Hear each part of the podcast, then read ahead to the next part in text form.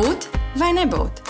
Teoloģija ir biedējošs vārds, taču ar tās palīdzību mēs varam rast atbildes uz dzīves lielākajiem jautājumiem, kā arī veidot racionālu uzskatu par dzīvi un jēgu. Jēzus teica, jūs zināsiet patiesību, un patiesība jūs darīs brīvus.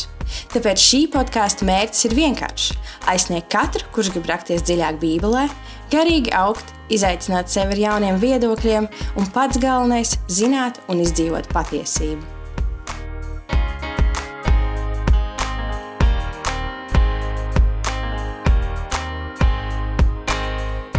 Esiet sveicināti Racionāls viedoklis podkāstā, kurš runā par visāda veida kristīgās teoloģijas tēmām. Šī ir pirmā epizode šajā podkāstā.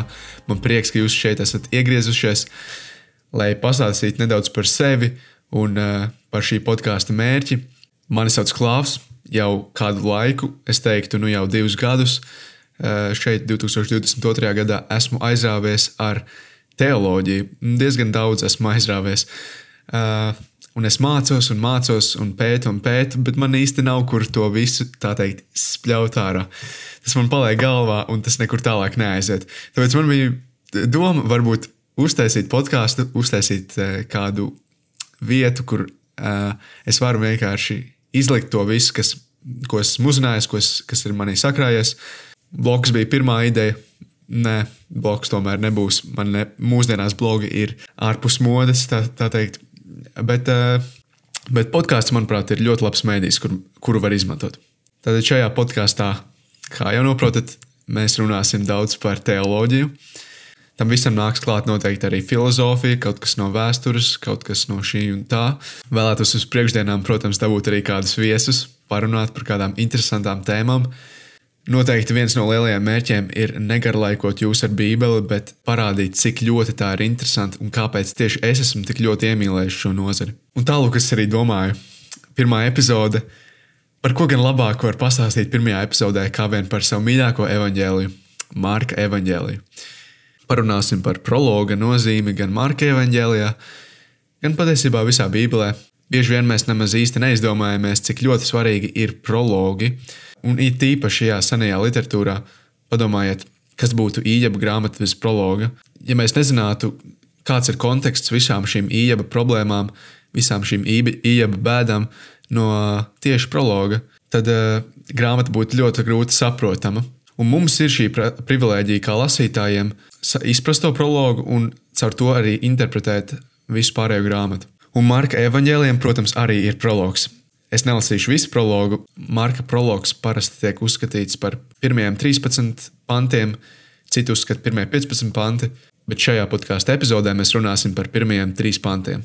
Un tie skan šādi: Jēzus Kristus, Dieva dēla evaņģēlijas sākums. Itin kā pravietis Jēzei ir rakstījis: Raugi, es sūtu savu vēstnesi tavā priekšā, kas sataisīs tavu ceļu. Saucēja balss tuksnesī: Sataisa tam kungam ceļu, darat līdzinas viņa takas.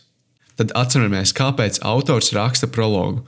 Viņš izmanto šo prologu, pašus pirmos vārdus, lai dotu lasītājam interpretāciju viņa pārējai grāmatai, šajā, šajā gadījumā pārējiem evaņģēliem. Tātad pati pirmā rindiņa, pats pirmais pants - Jēzus Kristus, Dieva dēls, evaņģēlijas sākums. Tas šajā brīdī būs tas svarīgākais. Un uzreiz Marks izskaidro, kas ir šis dieva dēls, ko viņš domā ar šo terminu dieva dēls. Otrais pants, itin kā pravietis Jēzeja ir rakstījis, un tagad viņš citē no vecās derības. Šis patiesībā ir salikts citāts. Otrais pants sākās ar Malēhija grāmatu, un trešais pants uh, nobeidzās ar Jēzejas grāmatu. Tātad īstenībā šis citāts ir salikties citāts, tas ir savērts kopā no diviem praviešiem. Marks saka, ka tas ir pravietis Iesai, kas to ir rakstījis, bet patiesībā tas ir gan uh, Malēhī, gan Iesai. Te uzreiz mēs varam savost kritiķus, un tieši tā arī ir. Uh, kritiķi bieži vien saka, ka Marks izdara paviršu darbu un jau pašā savā evaņģēlī sākumā sajauc autoru. Bet agrāk strādājot ar saliktiem citātiem, ja tika minēts avots, bija ierasta praksa nosaukt tikai vissvarīgāko autoru. Šajā gadījumā svarīgākais autors bija Jēzē. Tātad citāts sākās ar Malēhija 3.1. Es sūtu savu vēstnesi tavā priekšā, kas sataisīs tavu ceļu. Tā kā Marks citē no šī vecās derības pravieša, arī mēs leksim uz šo grāmatu. nolasīšu šo citātu avotu no Malēhija 3.1. Uh, un šeit runā tas kungs. Redzi, es sūtīšu savu sūtni, kam būs sataisīt manu ceļu manā priekšā. Tātad Dievs sūtīs sūtni, kam būs sataisīt manu ceļu, tātad Dieva ceļu manā priekšā. Un tad drīz ieradīsies savā namā tas kungs, kuru jūs kārojat. Rauga viņš jau nāk, tā, tā saka tas kungs Cebots. Tad tas kungs saka, es sūtu, sūtīšu sūtni, un viņš šis sūtnis sataisīs manu ceļu manā priekšā. Tad Marks paņem šo citātu no vecās derības, kas paredz un gaida, ka ieradīsies kāds sūtnis, kas sagatavos dievam ceļu, un viņš šo citātu paņem un savieno to ar iesaistas grāmatas citātu. Un iesaistas grāmatas citāts eh, Marks ir, uz, ir uzrakstījis šādi: Saucēja balss tuksnesī, šeit ir tā balss, sataisiet tam kungam ceļu, darat līdzenas viņa takas. Šeit atsaucās tā balss. Un kas ir šī balss? 4. pantā Marks saka, Jānis Kristītājs nāca tūkstnesī, sludinādams grēku nožēlas kristības grēku piedošanu. Šī balss ir Jānis Kristītājs. Tieši šo pašu, ka šī balss ir uh, Jānis Kristītājs, apliecina arī cita evaņģēlija. Tā kā Marks paņēma no vecās derības šo citātu, aizliksim mēs paši uz veco derību, uz šī citāta avotu. To gan es nolasīšu no jaunā tulkojuma, jo, manuprāt, tur ir labāk iztulkots. Esmu atpakaļ ar savu jauno tulkojumu, un šis citāts ir nāk no Jēzus 40. nodaļas, 3. panta.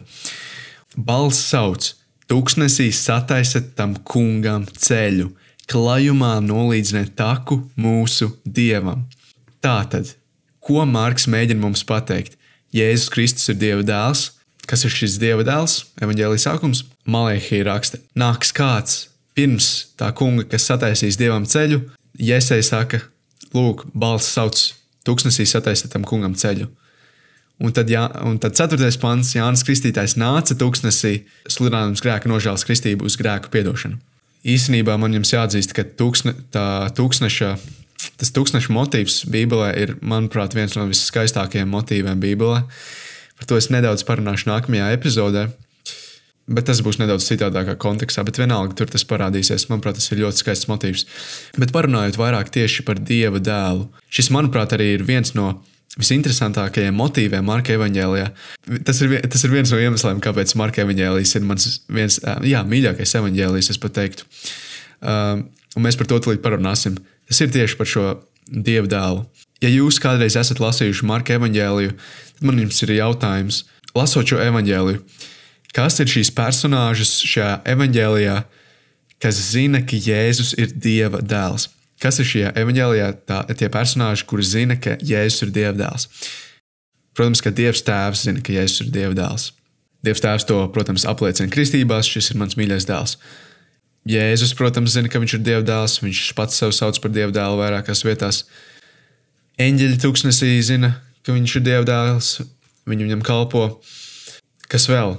Dēmoni uz katra stūra, gan arī uz katra stūra, kur uh, Jēzus satiek dēmonus. Viņi saka, lūdzu, neiznīcini mūs, mēs zinām, ka tu esi visaugstākā dēls, tā tālāk. Un tā tālāk.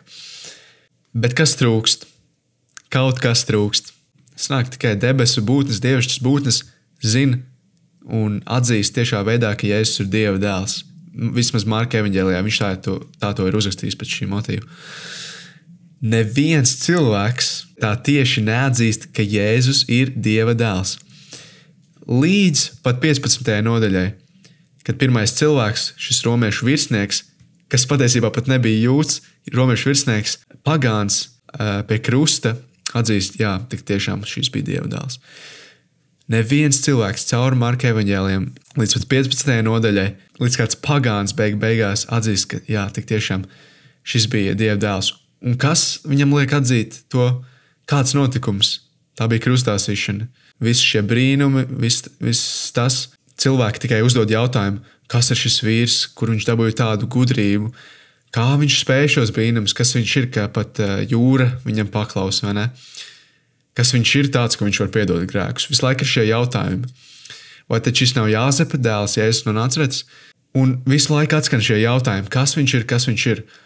Un tad krusts, šis šķietami dīvainais notikums, kā, eh, kā šis brīnumdarbs var nomirt pie krusta. Šis krusts, kaut kas notiek šī cilvēka prātā. tik tiešām šis bija dievdēls.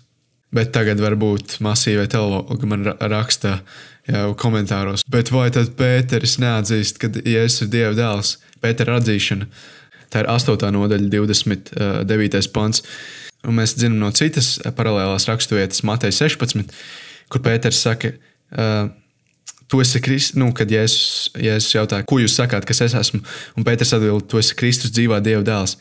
Bet Marka evanģēlijā Pēters atbild tikai, tu esi Kristus. Kāpēc jūs jautājsiet? Manuprāt, tas ir tādēļ, ka Pēt, Marks, šis, šī evanģēlija autors, turpina šo, šo motīvu par to, ka neviens cilvēks īsti vēl līdz krustēvai neapzinās to īsto, pilnīgo nozīmi šim dieva dēlam. Ļaujiet man jums izskaidrot. Uzreiz pēc tam, kad Pēters atzīst, Jā, Jēzus, tu esi Dieva dēls, tu esi Kristus, Jēzus viņ, mācekļiem māca, ka viņam būs jācieš, viņam būs jāmirst uh, pie krusta. Bet Pēters uzreiz saka, nē, nē, kungs, lai Dievs tev pasargā, uh, tev nekad tā nenotiks. Un ko Jēzus saka? Atkāpies no manas sātnes. Lai gan Pēters teica, jā, tu esi Dieva dēls, viņš nesaprot to īsto nozīmi, ko tas nozīmē būt Dieva dēlam un kādēļ Eh, viņš, kādēļ Dieva dēls ir nācis šīs pasaules patiesībā, lai mirtu par cilvēces grēkiem. Un tad domājot par šo motīvu, ko Marks mums ir iedevis eh, pašā evaņģēlīja sākumā, un kas caurījās eh, cauri visam šim evaņģēlijam, kas vēl zina, ka Jēzus ir Dieva dēls? Tad mēs zinām, ka pārsvarā neviens cilvēks šajā evaņģēlijā ne debesu būtnes, bet kas vēl zina? Tas ir lasītājs, vai ne? Lasītājs ir tas, tam, kuram ir jāzina, tāpēc, ka viņš tikko ir izlasījis prologu. Lasītājs zina, ka Jēzus ir Dieva dēls. Šis motīvs var strādāt tikai tad, ja lasītājs saprot, ka Jēzus ir Dieva dēls. Un caur šo viņš arī interpretē pārējo evaņģēliju, ka Dieva dēlam uh, ir arī nozīme. Dieva dēlam ir tāda nozīme, ka šis Dieva dēls ir pats tas kungs.